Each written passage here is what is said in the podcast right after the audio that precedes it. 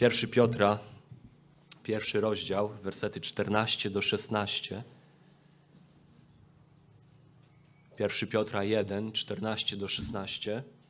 Czytamy.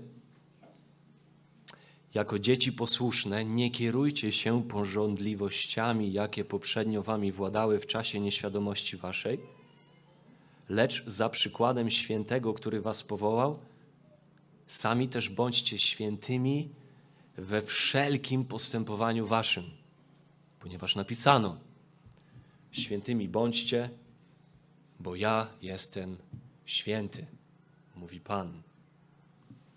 Biblia w tym fragmencie, jak i w wielu innych fragmentach oczywiście, wzywa chrześcijan do pewnego rodzaju postępowania, postępowania w świętości, postępowania we wszelkim posłuszeństwie. To wezwanie jest dla chrześcijan, to wezwanie jest dla tych, którzy dostąpili zbawienia, którzy wiarą uchwycili się Chrystusa, widząc w nim jedynego Zbawiciela, wyłącznego Zbawiciela. I takich ludzi, tych, którzy zbawienia dostąpili, Biblia powołuje do życia w posłuszeństwie, w świętości, jak to jest nazwane tutaj. Życia niekierowanego dawnymi porządliwościami, cielesnymi rządzami, ale życia, które odzwierciedla wzór, jaki mamy w Bogu, wzór Jego świętości. Świętymi bądźcie, jak ja jestem święty, mówi Pan. Więc tym, którzy są zbawieni, którzy są chrześcijanami, jest narzucony pewien konkretny standard.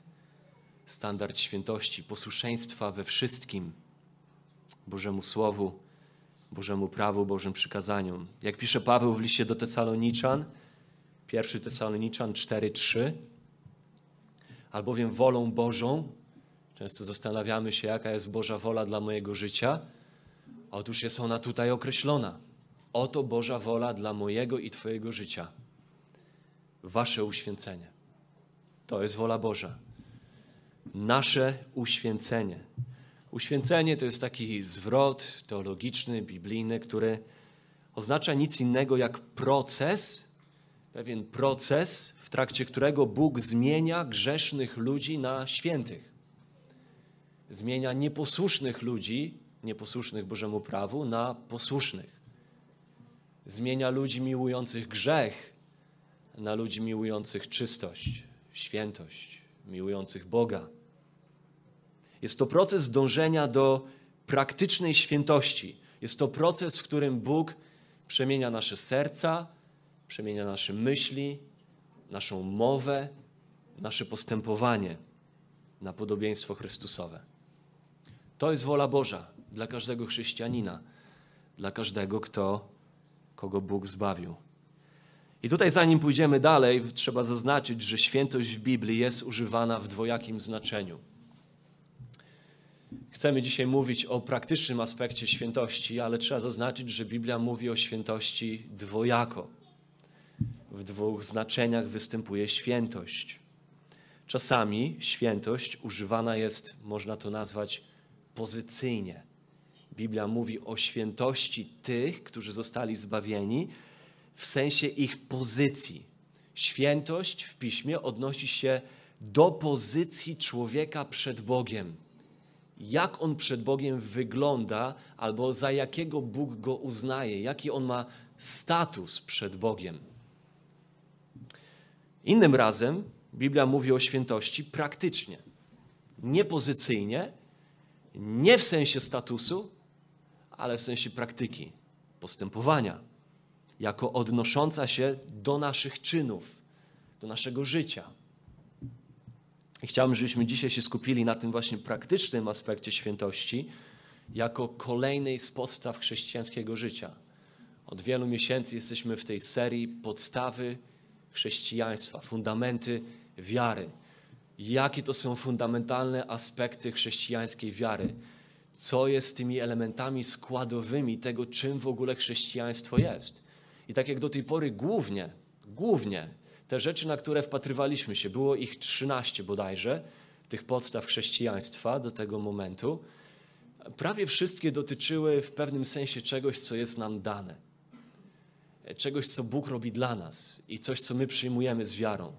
Mówiliśmy o Słowie Bożym, które jest dane nam od Boga, jako to, które wyszło z Jego ust. Mówiliśmy o tym, kim jest Bóg i jak my mamy możliwość Go poznawać. Mówiliśmy o podstawie chrześcijaństwa, fundamencie, jako naszym pojmowaniu Chrystusa, kim jest Chrystus, co, co jest niekwestionowaną prawdą składową chrześcijańskiej wiary w odniesieniu do tego, w co my wierzymy na temat osoby Chrystusa. Kim jest Chrystus, co Chrystus uczynił, kim jest Duch Święty. To są te rzeczy, na które głównie patrzyliśmy do tej pory. Natomiast dzisiaj, dzisiaj chcemy się skupić na tej stronie praktycznej, aktywnej, która dotyczy w dużej mierze nas, naszego postępowania, naszej praktycznej świętości. I to jest fundament chrześcijańskiej wiary. Chrześcijanin jest wzywany do, do świętości i do posłuszeństwa Bogu. To nie jest opcja, to nie jest kwestia czyichś preferencji. To jest obowiązek. To jest nieodłączna część tego, czym chrześcijaństwo jest w swej istocie chrześcijanin, osoba zbawiona, która przyjęła Boże Słowo jako prawdziwe, zobaczyła w Chrystusie Pana i Zbawiciela, dostąpiła zbawienia, musi żyć inaczej. Jest to fundamentalna sprawa. To nie jest drugo ani trzeciorzędna rzecz. Jednak zanim temu się przyjrzymy, chciałbym, żebyśmy krótko zrozumieli, krótko podkreślić ten pozycyjny aspekt świętości. Ten pozycyjny, zanim spojrzymy na ten praktyczny. No, Biblia jest pełna niespodzianek dla ludzi, którzy Biblii nie znają dobrze, może nigdy jej nie czytali wnikliwie, nie poznawali, nie studiowali Biblii. I bez wątpienia jedną z takich niespodzianek, ja pamiętam, dla mnie to było niespodzianką, kiedy zacząłem czytać Słowo Boże, poznawać je jeszcze wtedy jako wyznający rzymski, rzymski katolicyzm. No więc bez wątpienia jedną z takich niespodzianek w Biblii jest to, jak Biblia właśnie używa słowa święty, w tym sensie pozycyjnym, w odniesieniu do ludzi wierzących. Jest to niespodzianka, dlatego że w potocznym języku rzymskokatolickiej kultury typowego Polaka używa się słowa święty w odniesieniu do szczególnej kasty ludzi. Prawda? Święci to są ci, którzy osiągnęli jakieś szczególne wyżyny duchowe, szczególny duchowy poziom. To są te szczególne, wybrane, konkretne osoby, które osiągnęły ten wyjątkowy stopień, stopień pobożności, duchowości. I tak się mówi na przykład o świętych apostołach, święty Paweł, święty Piotr, czy też święty Franciszek, czy też święta Faustyna. To są ci, których Kościół życie rozpoznał jako wyniesione ponad życie innych zwykłych, szarych ludzi w Kościele i ich beatyfikował do pozycji świętości. I to są ci, którzy są święci. To są ci wyjątkowi, ci ponad naszymi, na, ponad nami, szarymi, prostymi ludźmi. Tak jest pojmowana świętość. To natomiast jak Nowy Testament używa słowa święty, czy też święci, różni się od tego, jak my używamy słowa święty w potocznym języku rzymskokatolickiej kultury. Biblia nigdzie i nigdy nie wyszczególnia pojedynczych osób, nazywając ich świętymi ze względu na ich szczególność w porównaniu do innych. Nigdy. Nie znajdziemy w ogóle w Biblii takiego konceptu. Nikt w Biblii nie jest nazywany świętym jako pojedyncza osoba, jeszcze szczególnie w porównaniu z innymi, jako ten, który jest ponad nimi w swym postępowaniu i w swojej pobożności. Słowo święci pojawia się w Nowym Testamencie ponad 60 razy i zawsze w liczbie mnogiej. Zawsze. Nawet jeden raz, kiedy pojawia się w liczbie pojedynczej, to w kontekście w tej liczbie pojedynczej odnosi się do grupy ludzi, którzy są w kościele w Filipi. Więc zawsze odnosi się do liczby mnogiej. Ponad 60 razy w liczbie mnogiej i w odniesieniu do tych, których Bóg po prostu zbawił. Święci są tymi, których Bóg zbawił, których Bóg ocalił. To są ci, którzy upamiętali się, rozpoznali swoją grzeszność i swoją beznadzieję i swoje duchowe bankructwo i zobaczyli w Chrystusie Zbawiciela, więc wiarą i ufnością chwycili się Go jako jedynej i wyłącznej nadziei dla swojego zbawienia. I tych Biblia nazywa świętymi. To są ci, którzy uwierzyli i których grzechy zostały przebaczone, którzy zostali oczyszczeni, którzy zostali pojednani z Bogiem przez Jezusa Chrystusa. I tak na przykład w Dziejach Apostolskich 9:13 czytamy o świętych w Jerozolimie. O wierzących w Jerozolimie, o kościele w Jerozolimie. Nie o szczególnej grupie ludzi w Jerozolimie, ale o wierzących w Jerozolimie. W Dziejach 9:32 czytamy o świętych w Lidii. Znowu wierzący, którzy mieszkali w Lidii, kościół, który był w Lidii. Nie była to specjalna kasta ludzi. Słowo święci służyło jako opis wszystkich ludzi wierzących, kościoła jako całości. Nawet w Koryncie, Koryntian, każdy choć trochę obeznany z Biblią, świadomy tego, o czym jest pierwszy list Pawła do Koryntian, wie, że nie ma chyba drugiego tak problematycznego zboru w Nowym Testamencie jak Kościół w Koryncie. No to są ludzie, którzy mieli ogromne problemy, niemalże na każdej płaszczyźnie, rywalizowali ze sobą, gdzieś tam byli podzieleni, wynosili się jeden na drugich, żyli w bezbożności, a nawet do tych ludzi Paweł zwraca się jako do świętych w Koryncie. 1 Koryntian 1-2. Święci w Koryncie nie święci ze względu na pewien poziom duchowości, który osiągnęli, ale ze względu na to, co Bóg zrobił dla nich w Chrystusie, zbawiając ich z ich grzechów. Święci w Nowym Testamencie to są ci, którzy są święci w sensie pozycyjnym na podstawie zasług ofiary Chrystusowej, a nie na podstawie swoich zasług, swojego życia i swojego postępowania. To są ci, którzy zostali, jak pisze Paweł w 1 Koryntian 6, 11, to są ci, którzy zostali obmyci, usprawiedliwieni i co? Tam jest wrzucone także uświęceni. To są ci, których świętość została im dana z zewnątrz. Oni otrzymali status świętości, pozycję świętości w imieniu Pana Jezusa Chrystusa i w duchu Boga naszego.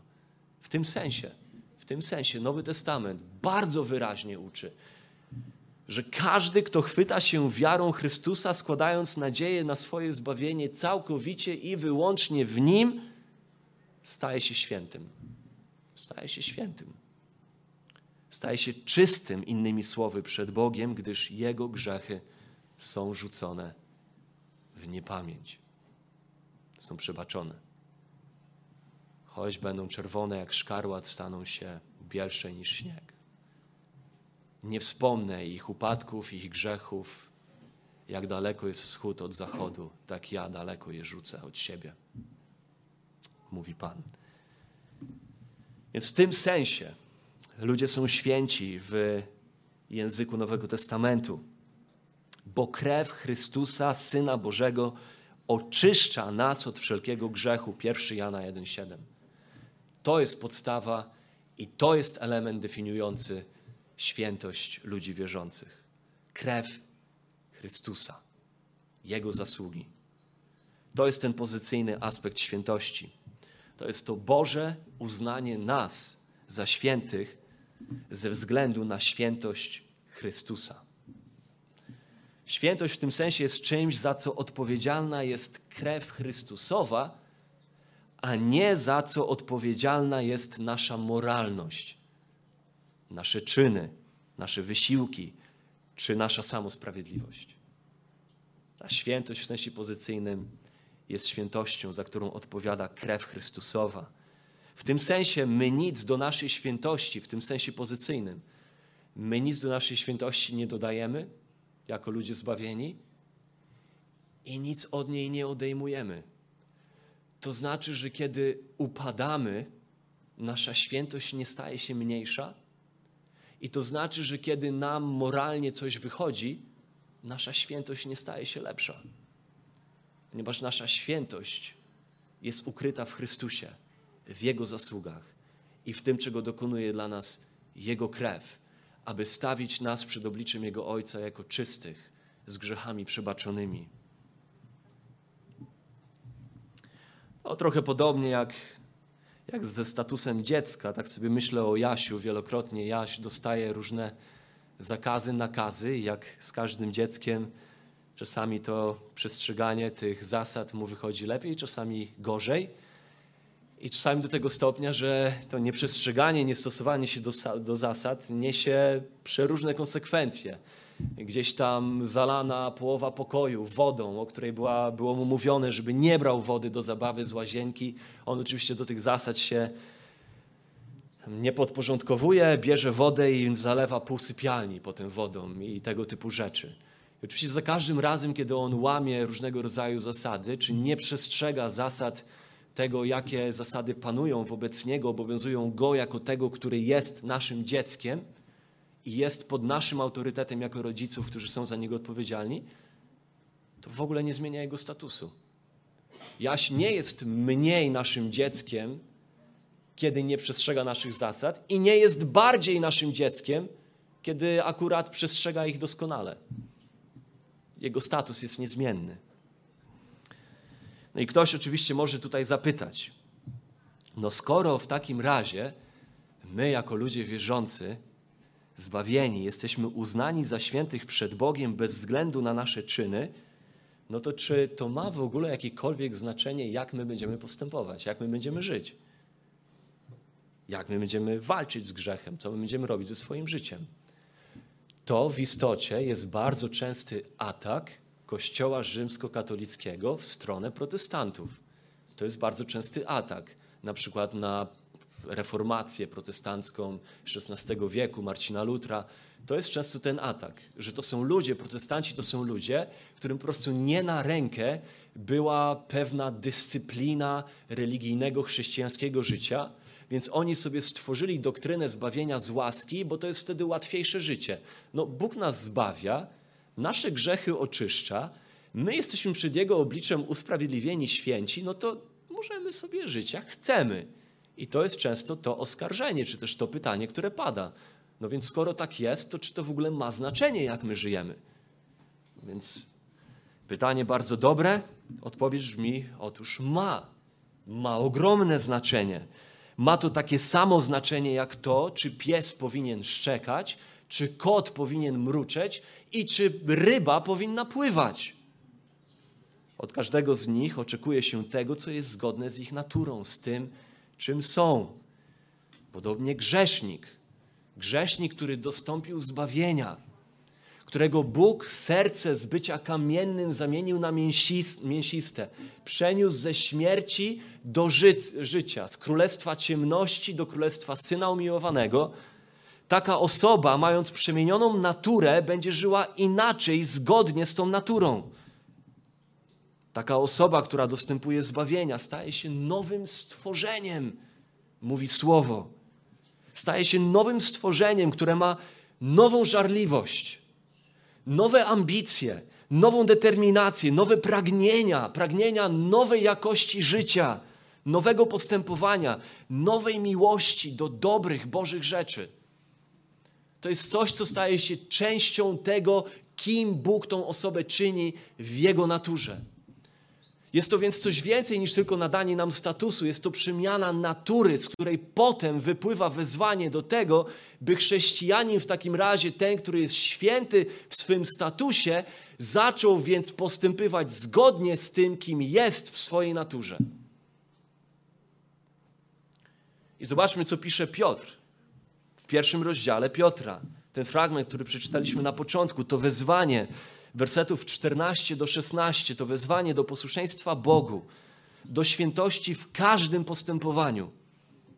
Zobaczmy, że ono jest włożone jakoby w imadło przesłania o tym, co się z wierzącymi wydarzyło w ich nawróceniu, w ich zbawieniu. Te wersety 14, 15 i 16, one są zamknięte w tym, co jest przed nimi i tym, co jest, pojawia się zaraz po nich. Nie będziemy czytać w pełni tego, co jest przed. Ja tylko przelecę taki trochę z lotu ptaka. Werset drugi. Piotr pisze do tych wierzących, jak to z Bożej suwerennej łaski oni zostali zbawieni. Bóg okazał im łaskę, zbawił ich. Werset trzeci, odrodził ich, zostali odrodzeni przez zmartwychwstanie Chrystusa do nowej, żywej nadziei wersety 4 i 5 pierwszego rozdziału, Piotr pisze o tym, jak ich pozycja przed Bogiem, jak to, co oni otrzymali, ich wieczność są pewne ze względu na to, że Bóg dla nich strzeże dziedzictwo przez wiarę. Bóg zabezpiecza dla nich to, co im dał w Chrystusie, zbawiając ich. Werset ósmy. Została dana im nowa miłość Werset 9. Otrzymali zbawienie w Chrystusie i potem wersety 10, 11, 12 Piotr opisuje, że jest to wielkie zbawienie, w które wejrzeć próbowali prorocy Starego Przymierza, a nawet sami aniołowie i mówi, a to jest to zbawienie, które wy znacie i które wy macie. I potem, dopiero w wyniku tego wszystkiego, co opisał, przez 12 wersetów, wielkości i wszechwymiarowości tego zbawienia, dopiero w 13 wersecie mówi: Dlatego, to właśnie dlatego, że wydarzyło się w Waszym życiu to, co opisałem, to niezwykłe zbawienie. Dlatego, że macie to zbawienie, ono jest Wasze, Bóg Was zbawił, zrodził Was na nowo bądźcie posłuszni we wszelkim postępowaniu waszym. Świętymi bądźcie, jak Bóg jest święty. I potem w wersecie 17, kończąc tą myśl jakby praktycznych wskazówek, mówi: Żyjcie w bojaźni przez czas pielgrzymowania waszego. I kończąc tę myśl praktycznych wskazówek zawartych w wersetach od 13 do 17, zobaczcie, do czego przychodzi dalej od wersetu 18. Więc my pielgrzymujemy, werset 17, pielgrzymujemy w bojaźni przez cały czas trwania naszego życia. Werset 18, dlaczego, jak to robiąc? Wiedząc, że nie rzeczami znikomymi, srebrem albo złotem zostaliście wykupieni z martwego, z, marte, z marnego postępowania waszego przez ojców wam przykazanego, lecz drogą, krwią Chrystusa jako baranka niewinnego i nieskalanego. Czyli dokładnie wraca do tego samego, od czego zaczął. Że to postępowanie jest zakorzenione w tym, co my rozumiemy, że zostało dla nas uczynione w Chrystusie i w zbawieniu, którym Bóg nas zbawia. Wprawdzie był on na to przeznaczony już przed założeniem świata, werset 20, ale objawiony został dopiero w czasach ostatnich ze względu na Was, którzy Przecież przez Niego uwierzyliście w Boga. Nawet sam fakt, że wy uwierzyliście, to jest przez Niego. To jest coś, co Bóg zrobił dla was, w zbawieniu was. Przez Niego uwierzyliście w Boga, który Go wzbudził, Chrystusa z umarłych, dał Mu chwałę, tak iż wiara wasza i nadzieja są w Bogu, skoro dusze wasze uświęciliście przez posłuszeństwo prawdzie ku nieobudnej miłości bratniej, umiłujcie czystym sercem jedni drugich gorąco, jako co? Jako odrodzeni nie z nasienia skazitelnego, ale nieskazitelnego przez Słowo Boże, które żyje i trwa. Bóg zrodził was na nowo. I stąd powinno wynikać wasze przemienione postępowanie. Jeżeli jesteście chrześcijanami, jeżeli jesteście zbawieni, zostaliście zbawieni przez Boga, grzechy wasze zostały przybaczone, zostaliście odrodzeni, zrodzeni do tego, by być nowym stworzeniem, Wasze postępowanie musi być inne. Bądźcie świętymi, jak ja jestem święty. I dążenie do posłuszeństwa Bogu, dążenie do praktycznej świętości, uczenie się panowania nad swoim umysłem, tak by myśleć o otaczającym nas świecie po Bożemu, zgodnie z Jego prawdą. Są te wszystkie rzeczy, do których wzywa nas Piotr. Umartwianie swoich starych porządliwości, swoich rządz, dążenie do miłowania innych czystym sercem. To wszystko jest koniecznym dążeniem zbawionego człowieka, dlatego że jest naturalnym dążeniem zbawionego człowieka. Zbawienie z łaski, zbawienie z łaski, nauczane przez Nowy Testament, potem zatracone przez wieki Kościoła, aż odkryte ponownie w czasach reformacji, nie jest wymówką do życia w bezbożności. Nie jest wymówką do życia w bezbożności. Zbawienie z łaski jest tak naprawdę najlepszą motywacją do życia w pobożności. Jest w istocie jedyną podstawą i źródłem takiego życia. Wszystko inne postawienie moralności człowieka i świętości człowieka przed jego zbawieniem jest tak naprawdę postawieniem wozu przed koniem. Chrześcijanin jest więc wzywany do bycia w swoim postępowaniu tym, kim jest w swojej pozycji i kim Bóg uczynił go w jego nowej naturze. zbawienie czy nawrócenie człowieka już samo w sobie jest cudem. Cudem, który sprawia, że ten człowiek staje się kimś nowym. Posłuszeństwo Bogu w każdej, w każdej sferze życia, w każdej sferze życia nie jest opcją dla kogoś, kto wyznaje wiarę w Chrystusa.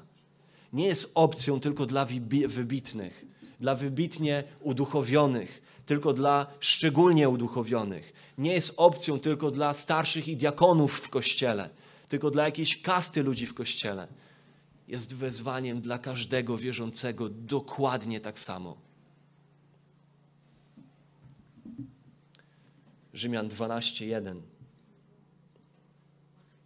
Przez 11 rozdziałów Paweł opisując piękno i majestat zbawienia, które płynie dla nas z wiary przez łaskę, mówi w końcu tak: Wzywam więc Was, bracia, mając na uwadze miłosierdzie Boże, które opisałem Wam przez 11 rozdziałów, złóżcie ciała swoje na ofiarę żywą, świętą, miłą Bogu, bo taka winna być duchowa służba Wasza. Złóżcie na ofiarę. Wasze życie niech będzie ofiarą żywą, świętą, miłą Bogu kosztowną. I dalej opisuje od 12 rozdziału, opisuje praktyczne elementy tego, jak to może wyglądać w praktyce wierzących ludzi. Jak tego rodzaju składanie swojego życia w ofierze Bogu, gdyż On ofiarą Chrystusową ocalił nas na wieki i przebaczył nam nasze grzechy. Paweł więc opisuje, że takie życie, życie ofiary złożonej Bogu, żywej, świętej, miłej, będzie wyglądać jak pokora. Werset trzeci będzie się przejawiać w pokorze naszej. Wersety 4 do 9. W naszej służbie w kościele. Jak części ciała, które służą sobie wzajemnie w ciele.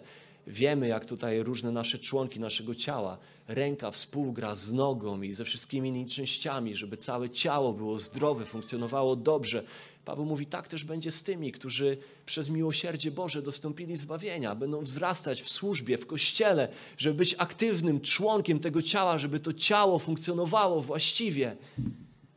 Potem opisuje w wersecie dziesiątym, że będzie miała miejsce szczera, nieobudna miłość do innych ludzi.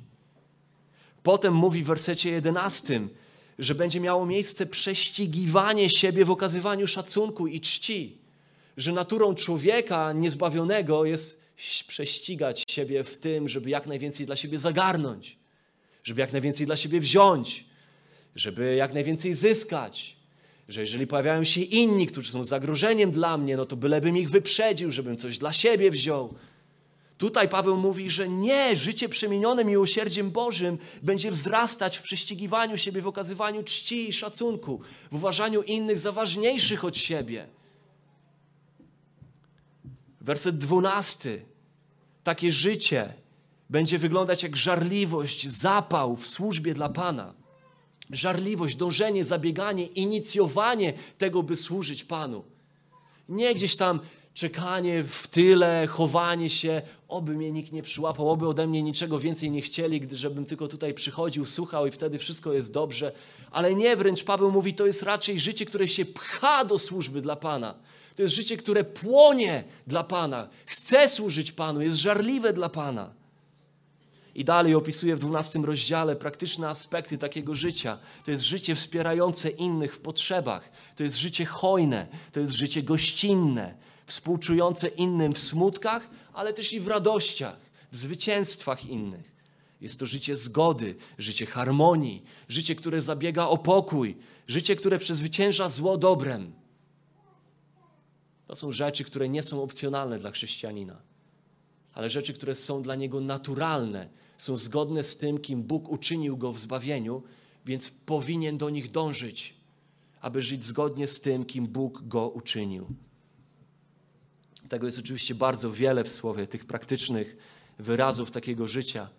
W słowie, które nas uczy, że właśnie tego słowa mamy być nie tylko słuchaczami, nie tylko znawcami, ale jego wykonawcami. Jakub pisze o tym. Jakuba, pierwszy rozdział, wersety 12, dwa, przepraszam, wersety 21 do 24. Tak więc odrzućcie wielki brud, wszelki brud i nadmiar złości i przyjmijcie z łagodnością wszczepione w was słowo, które może zbawić dusze wasze, a bądźcie wykonawcami słowa, a nie tylko słuchaczami, uwaga, oszukującymi samych siebie. Bo jeżeli ktoś jest słuchaczem słowa, a nie wykonawcą, to podobny jest do człowieka, który w zwierciadle przygląda się swemu naturalnemu obliczu, bo przypatrzył się sobie i odszedł i zaraz zapomniał, jakim jest. Werset 26 powtarza Jakub tę samą myśl. Ten oszukuje serce swoje. Jeżeli ktoś tak czyni. Jakub przedstawia nam tu pewien kontrast. Dwie osoby, dwie postawy wobec słowa. Pierwszy słucha, ale żyje, jakby to nie miało zbyt wielkiego znaczenia w jego codzienności. Wielbi Boga, kiedy jest w kościele, tylko po to, żeby w poniedziałek wrócić do świata swoimi pragnieniami, swoimi ambicjami, swoimi dążeniami, swoimi priorytetami. Drugi natomiast słucha i aplikuje, słucha i stosuje. Jak w przypowieści o głupim i mądrym budowniczym, którą powiedział Jezus w siódmym rozdziale Mateusza. Głupiec buduje dom na piasku. I to jest ten, który słucha słowa, lecz nie wykonuje go. I potem jest mądry, który słucha słowa i wykonuje to słowo. Jest mądrym budowniczym, który buduje dom na skalę.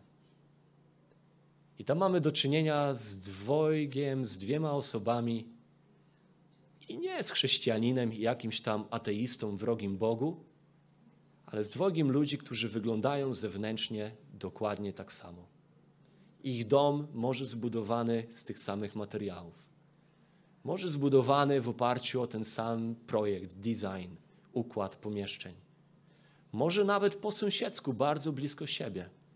To są dwie osoby, które zewnętrznie mogą wyglądać na takie same. Wyznające tę samą wiarę, słuchające tych samych kazań, słuchające tego samego nauczania, czytające te same książki podczas gdy jeden jest głupcem, ponieważ jest tylko słuchaczem słowa, oszukującym samego siebie. Drugi natomiast jest mądry, ponieważ to słowo słucha i wykonuje je.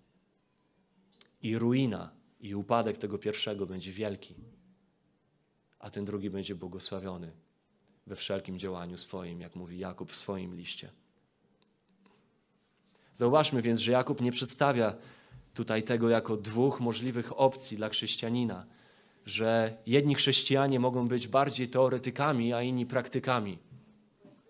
Chrześcijanin nie może powiedzieć, żaden chrześcijanin nie może powiedzieć, a ja po prostu jestem bardziej teoretykiem, ja studiuję słowo, ja poznaję słowo, ja uczę się greki, uczę się hebrajskiego i tak za bardzo, jeżeli chodzi o praktykę, to, to, to nie dla mnie. Jestem trochę introwertykiem, e, bardziej jestem takim molem książkowym i ogólnie postępowanie chrześcijańskie to tak za bardzo dla mnie nie jest. No więc Jakub i Słowo Boże w ogóle nie zostawia nam takiej opcji. Jeśli faktycznie tak z Tobą jest, to bardzo możliwe, że jesteś tym głupcem, który oszukuje swoje serce Pierwszy Jana, drugi rozdział, wersety 3 do 6, bardzo podobna myśl. Po tym zaś poznajemy, że Go znamy, znamy Chrystusa, jeżeli zachowujemy Jego przykazania. Zachowywanie Jego przykazań jest tym, co dowodzi tego, że my poznaliśmy Chrystusa. Wypływa z istoty naszego zbawienia. Kto mówi, znam Go, a nie zachowuje Jego przykazań, ten jest kłamcą, który oszukuje nie tylko siebie, ale oszukuje innych i nie ma w nim prawdy.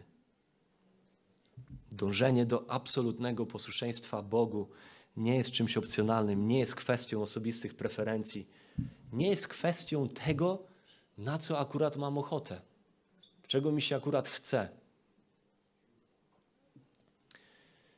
Nie wiem, czy już kiedyś Wam to mówiłem, czy nie, nie mogę sobie przypomnieć, e, więc, więc powiem to i mam nadzieję, że po tym, co powiem, wciąż będziemy mogli siebie dalej wzajemnie lubić i szanować, że nikogo jakoś głębiej nie urażę tym, co za chwilę powiem, że nikt nie odbierze tego zbyt osobiście.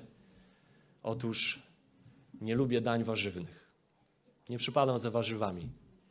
Nie są one moją pasją. Nie przypadam za surówkami, za sałatkami, i za innymi miksami warzywnymi pod jakąkolwiek postacią. Więc wszyscy wielbiciele warzyw, przepraszam, nie do końca Was rozumiem.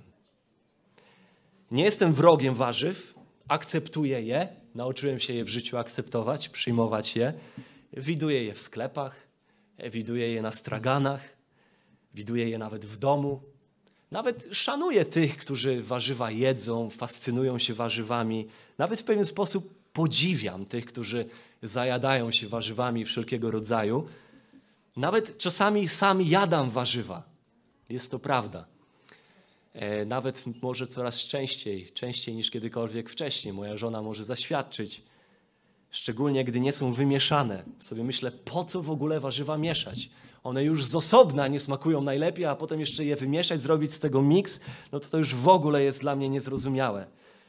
No, a co więcej, po co się męczyć warzywami, jak można zjeść doskonale wypieczoną karkówkę albo jakieś utko grillowane z kurczaka. Tak więc całe życie raczej jestem warzywnym ignorantem. Ignoruję raczej warzywa. Jeżeli chodzi o sztukę kuchni warzywnej, to już w ogóle jest mi ona obca, nie interesuje mnie. Czuję się dobrze o warzywach, raczej nie myśląc i o nich nie rozmawiając. Niestety wydaje mi się, że sporo osób w kościele, w chrześcijaństwie ma podejście do posłuszeństwa Bogu trochę podobne do mojego podejścia do warzyw. Obawiam się, że wiele osób, szczególnie młodych osób tego obecnego pokolenia, ale nie tylko, ma podejście, że posłuszeństwo Bogu może być fajne, może być dobre, może być potrzebne i możliwe, że tak jest w innym stopniu dla kogoś innego, ale nie aż w takim stopniu dla mnie. Dla mnie aż tak, tak nie, bo gdybyś, gdybyś znał moje życie, gdybyś widział moje wyzwania, moją pracę, moją sytuację, no to byś zrozumiał, że ja nie mogę aż tak się angażować w posłuszeństwo Panu, jak, jak ci inni ludzie w kościele bardziej uduchowieni ode mnie. Jest to fajne, dobre, potrzebne, możliwe, że komuś innemu, ale nie mi.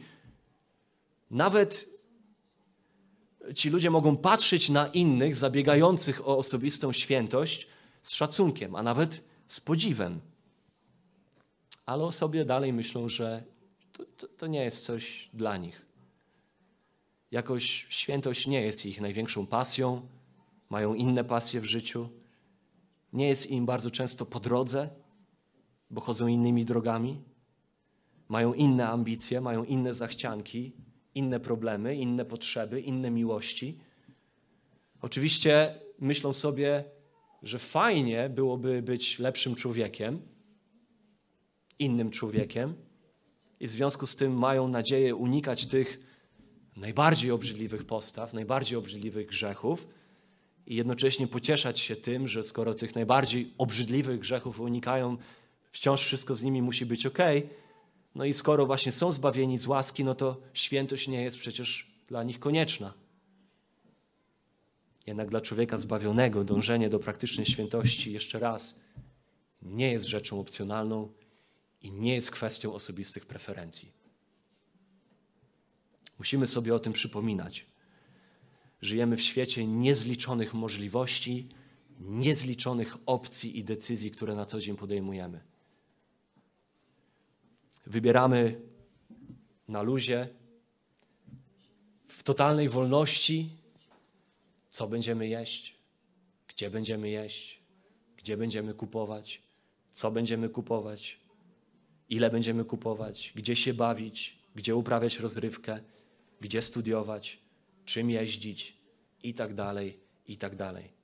I gdzieś w ten rój naszych codziennych opcji, tych miliardów opcji, które dzisiaj mamy, które z wolnością sobie podejmujemy w taki konsumpcyjny sposób, wchodząc do marketu i mamy wolność, żeby sobie wybrać to, na co akurat mamy ochotę, to, co nam lepiej i bardziej odpowiada, gdzieś w ten rój tych wszystkich opcji wpakowujemy nasze podejście do chrześcijaństwa i do Kościoła. Także rzeczy, które robimy w odniesieniu do Pana, w odniesieniu do Królestwa Bożego, w odniesieniu do Kościoła, wydają się nam jak po prostu kolejne na liście wszystkich opcji życiowych. Tak je traktujemy. Wrzucamy sprawy życia z Bogiem pomiędzy wszystko inne. I sprowadzamy je do tego, że no więc albo idziemy na zgromadzenie kościoła, albo nie, jeżeli nie mamy ochoty. Bo jedziemy do galerii, bo jedziemy na wycieczkę, albo robimy cokolwiek innego. Albo możemy mieć regularny czas wspólnej modlitwy i słowa ze swoją rodziną, ze swoimi dziećmi, albo też możemy coś obejrzeć w telewizji, albo zrobić coś jeszcze innego. Także w końcu nic w naszym życiu, co związane jest z tym, co najważniejsze, nie staje się regularne, bo zawsze jakieś inne opcje bardziej wygrywają z naszymi preferencjami i zachciankami w danej chwili. A w istocie po prostu to nie jest dla nas wystarczająco ważne. I gdzieś w tym wszystkim zagubiliśmy kategorię rzeczy nieopcjonalnych, obowiązkowych. Gdzieś w tych miliardach tego konsumpcyjnego bycia zalanym wszelakimi opcjami, zagubiliśmy kategorię rzeczy, które nie są opcjonalne, które są obowiązkowe dla chrześcijanina, które są w ogóle w innej kategorii, które nie powinny być gdzieś tam ukryte w tłumie tego wszystkiego, z czym się mierzymy codziennie. I to są te wszystkie rzeczy, które odnoszą się do kwestii duchowych, kwestii tego, czego Bóg oczekuje od nas w swoim słowie, bo wyraźnie o tym powiedział. Nasze wybieranie rzeczy Bożych w dużej mierze sprowadziliśmy do kwestii tego, czego nam się po prostu chce. Nasza miłość do Boga, do Chrystusa, miłość całą duszą, całym umysłem, całą siłą, w zasadzie jest często zminimalizowana do czegoś, co stoi w tej samej kategorii, co cała rzesza innych rzeczy, innych opcji, które życie stawia przed nami. I tam niestety okazuje się, że jest cała masa rzeczy, które kochamy tak samo, jak kochamy Boga, albo i bardziej. Bo nasza miłość do Boga została sprowadzona do pewnego rodzaju sentymentu, zachcianki, tego, czego nam się chce albo nie. Jakże łatwo nam kochać Pana, kiedy cena nie jest wysoka, prawda? Kiedy akurat posłuszeństwo Panu w danej chwili wpasowuje się w nasze zachcianki i preferencje. Ale jak trudno jest nam kochać Pana, kiedy to zaczyna coś kosztować. Łatwo nam kochać Pana, kiedy nie narusza to naszej wygody, kiedy nie oznacza to składania swojego życia w ofierze. Łatwo nam kochać Pana, kiedy akurat wydaje nam się na daną chwilę i na daną sytuację kochanie Pana najlepszą rzeczą. Wtedy łatwo nam Go kochać.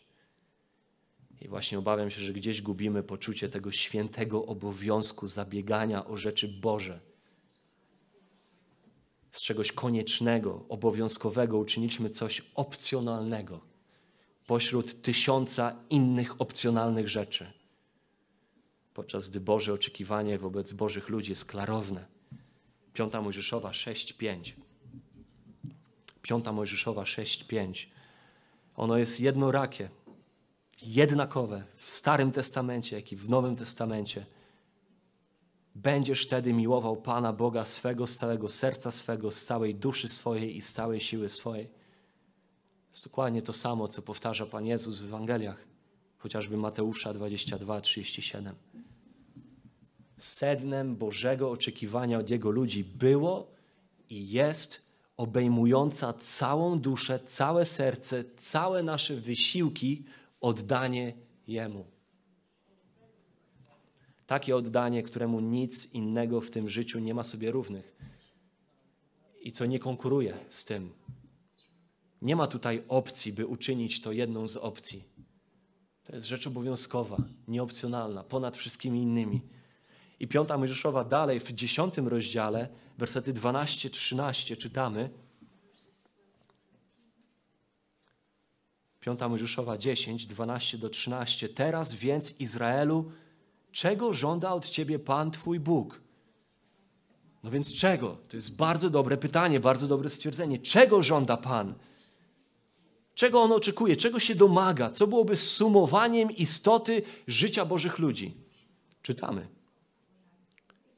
Tylko abyś okazywał cześć Panu, swemu Bogu, abyś chodził tylko Jego drogami, abyś Go miłował i służył Panu, swemu Bogu z całego serca i z całej duszy, abyś strzegł poleceń Pana i Jego praw, które ja Ci podaję dzisiaj dla Twojego dobra. Widzimy, że Bożym żądaniem, czego żąda od nas Pan, jest byśmy kochali Boga w taki sposób, że chodzimy Jego drogami. Po drugie, służymy Mu całym sercem, całą duszą i byśmy przestrzegali wszystkich Jego poleceń i praw.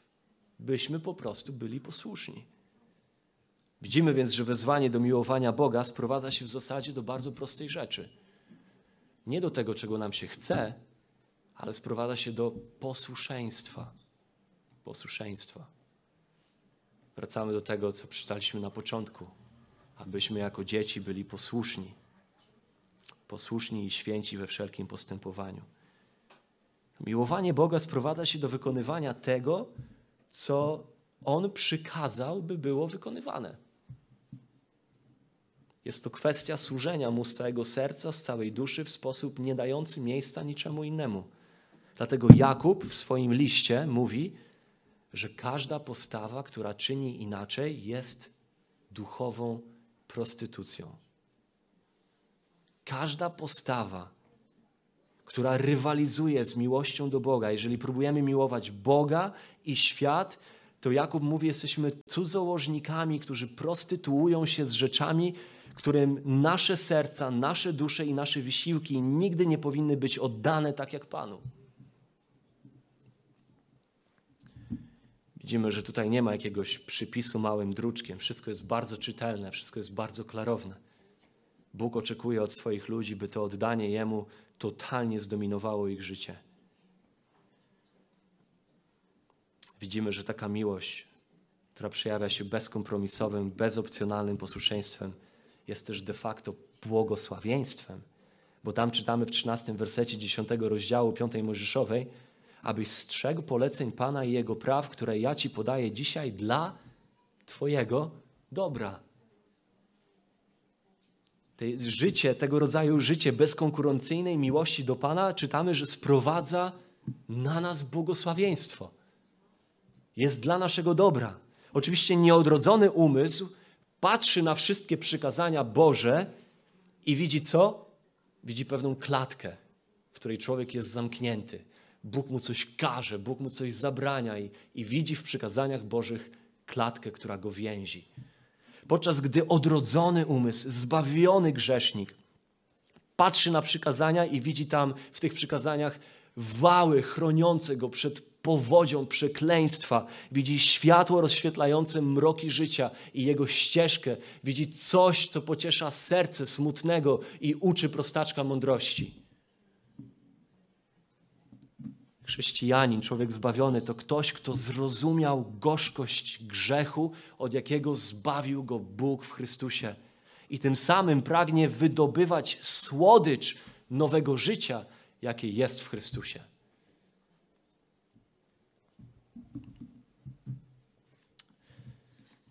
Na koniec może jeszcze jedna krótka dygresja.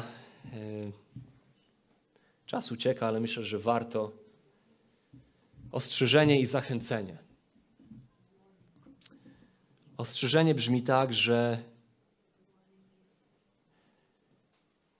z jakąkolwiek ambicją i deklaracją własnego serca wyjdziesz dzisiaj stąd, by być posłusznym Bogu we wszelkim postępowaniu swoim i miłować Go, zawiedziesz. Każdy z nas zawiedzie. A to jest prawda na temat naszego życia. Upadniemy, Zachęcenie jest takie: Bóg nie zawodzi w swojej miłości do nas. My natomiast zawiedziemy, każdy z nas zawiedzie. Jesteśmy wzywani do progresu, nie do perfekcji. Jesteśmy wezwani do pewnego rodzaju dążenia, z zaznaczeniem, że oczywiście my nie osiągniemy tego, więc nasze upadanie w naszym miłowaniu Boga całym sobą będzie nieudolne i będzie wiązało się z wieloma porażkami. I czasami chrześcijanie, którzy zawodzą w kochaniu Boga, tak jak wiedzą, że powinni kochać, to kiedy im to nie wychodzi, kiedy doświadczają tych porażek, to stają przed taką pokusą, by w takim razie totalnie porzucić Pana i totalnie gdzieś odpłynąć. Całkowicie odpłynąć od Boga. Dlatego, że czują wstyd, czują, czują porażkę, czują smutek taki smutek, jak to Paweł go nazywa w 2 Koryntian w 7 rozdziale, smutek, który jest smutkiem według świata, który prowadzi do śmierci. Czują niepokój na myśl, że mieliby nadal starać się kochać Boga, skoro im to nie wychodzi. Jak więc oni z czystym sumieniem mogliby wrócić do Boga, skoro są tak nieudolni i cały czas go zawodzą w tym, do czego on ich wzywa? Więc decydują się iść w świat. Decydują się w pewnym sensie robić to, o czym mają poczucie, że wychodzi im lepiej, wychodzi im dobrze. Kochanie Boga najwyraźniej dobrze im nie wychodzi, więc poddają się i odpływają w świat. Przykład Piotra jest dobrym przykładem takiej osoby, apostoła Piotra. Piotr, który zarzekał się w Mateusza 26 rozdziale, że on pozostanie przy Panu, on nigdy się go by nie wyparł, on zawsze będzie mocno przy nim stał. Oczywiście znamy tę historię, nie będziemy już jej czytać. Jego miłość zawiodła. Zawiodła i to bardzo mocno i bardzo boleśnie. Piotra nie było przy Chrystusie, trzykrotnie się go zaparł, mimo że wcześniej zapewniał o swojej lojalności. I widzimy niezwykłą historię w Jana 21. Po zmartwychwstaniu Chrystusa. Oczywiście Pismo nam nie daje wglądu w to, co się działo w sercu i w umyśle Piotra w tej całej sytuacji, ale możemy sobie poniekąd wyobrazić, co Piotr mógł przeżywać. Wiemy poniekąd, co przeżył Judasz, zdradzając Chrystusa. W wyniku smutku, który był smutkiem według świata, poszedł i powiesił się. I domyślamy się, że Piotr przez podobne rzeczy pewnie przechodził w swoim sercu i w swoim umyśle. I w 21 rozdziale Ewangelii Jana czytamy tam zaraz na początku, że e, grupa uczniów zebrała się, prawda, są ci uczniowie, których w Ewangelii Mateusza Pan Jezus wysyła na górę, żeby czekali na Niego. Oni już nawet widzieli Go chyba dwukrotnie jako zmartwychwstałego, ale najwyraźniej Piotr dalej gdzieś tam zmaga się w sercu i tam czytamy Ewangeliana, Piotr poszedł łowić ryby. Poszedł łowić ryby. Wrócił do tego, co wiedział, że wychodzi mu dobrze, co robił wcześniej, o czym wiedział, jak się tym zająć, był w tym profesjonalistą. Miłowanie Pana, on dobrze wiedział, że mu nie wychodziło dobrze. On dokładnie był świadom porażki, jaką odniósł. I tam widzimy niezwykłą rzecz, ponieważ tam widzimy Pana, który ze swojej inicjatywy pojawia się nad brzegiem morza. On przychodzi tam, gdzie jest Piotr z innymi uczniami, którzy nie zdecydowali się być tam i czekać, ale poszli łowić ryby. Wrócili do starych aktywności, do starych rzeczy. Chrystus pojawia się na brzegu, pyta ich, czy mają jedzenie. Oni w końcu go rozpoznają. On ich pyta, czy coś złapali. Oczywiście oni nic złapać nie mogli. Tam Jezus dokonuje kolejnego cudu. W każdym razie oni wychodzą na brzeg jeziora Morza Tyberiackiego, a tam Jezus szykuje dla nich śniadanie. Niesamowita historia. Dobrze byłoby ją kiedyś otworzyć i wejrzeć w nią, przestudiować ją. Ale jeżeli przyjdzie taki czas, taki czas właśnie naszych duchowych porażek, miłości, miłowania Pana i posłuszeństwa Jemu, a On przyjdzie. I dużo szybciej pewnie niż się spodziewamy. Musisz pamiętać, że On, Bóg, i to wszystko, co On zrobił i zapewnił i wykupił dla nas w Chrystusie, jest tym, który zawsze przychodzi do nas jako pierwszy, czeka na swoich, On inicjuje, On pociąga do siebie samego, a kiedy my do Niego przychodzimy, On nawet w sytuacjach największych porażek czeka na nas ze śniadaniem. Nic nie jest w stanie odłączyć nas od miłości Chrystusowej. Nawet brak naszej miłości nie jest w stanie odłączyć nas od miłości Chrystusowej. Taka jest odnawiająca, odbudowująca miłość Zbawiciela wobec nas. Więc zawiedziemy w miłości. Jednocześnie pamiętajmy, że Bóg w swojej miłości nie zawodzi. Dlatego Jan może napisać w 1 Jana 4,19 Miłujmy więc, gdyż On nas przedtem umiłował. bezpieczeństwem naszej pozycji przed Bogiem jest Jego miłość do nas, a nie nasza miłość do Niego. Miłujmy więc, wpatrując się w Niego, w miejsce naszego przebaczenia, naszej odnowy, miejsce siły. Śpiewaliśmy, Jego miłość zakrywa grzech. On nie pamięta złego. Jego krew, największy dar dla każdego, Jego imię, potężna moc, Jezus drogą, prawdą, życiem, Emanuel, Bóg pośród nas, Odkupiciel. Postajmy do ostatniej pieśni.